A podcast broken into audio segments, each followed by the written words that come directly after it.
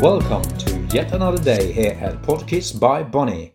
Of reasons of the newly found deadly virus in my hometown, it is a quiet day, living the life of quarantine. True, but again, as long as we put our heads together, there might be some fun stuff still going around for the observant and playful ones. yeah, I'll get you, Bon. Not to brag or anything, but I'm going pole dancing with Candice Swanepoel today. You know, Candice from Victoria's Secret Show. Yeah, I know her. Pole dancing. Can you do that? Yeah, for sure. Born and raised in red light zebra crossing. My mom working in the streets. A bunny family had put it out all out there. So you were all working as prostitutes in your family, Bun? No. I like to call us freelancers. It sounds better.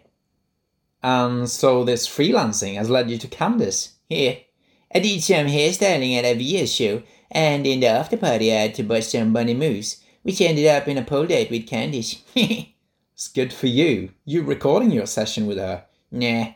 I'm a gentle bunny. I don't pole and tell. I didn't know you had dancing skills. Well, there are lots of things you don't know about me, Storm, and dancing is one of them. What kind of styles are you in your repertoire then? Yeah, the usual street style stuff. Breakdancing, cha-cha-cha, heart dance, tap dance. Yeah, and of course pole dance.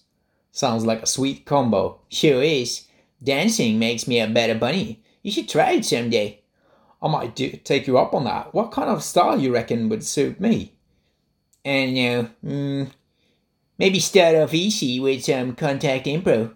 Maybe you could rehearse with our neighbors in the backyard. I'm more than willing to put that out on TikTok if you like.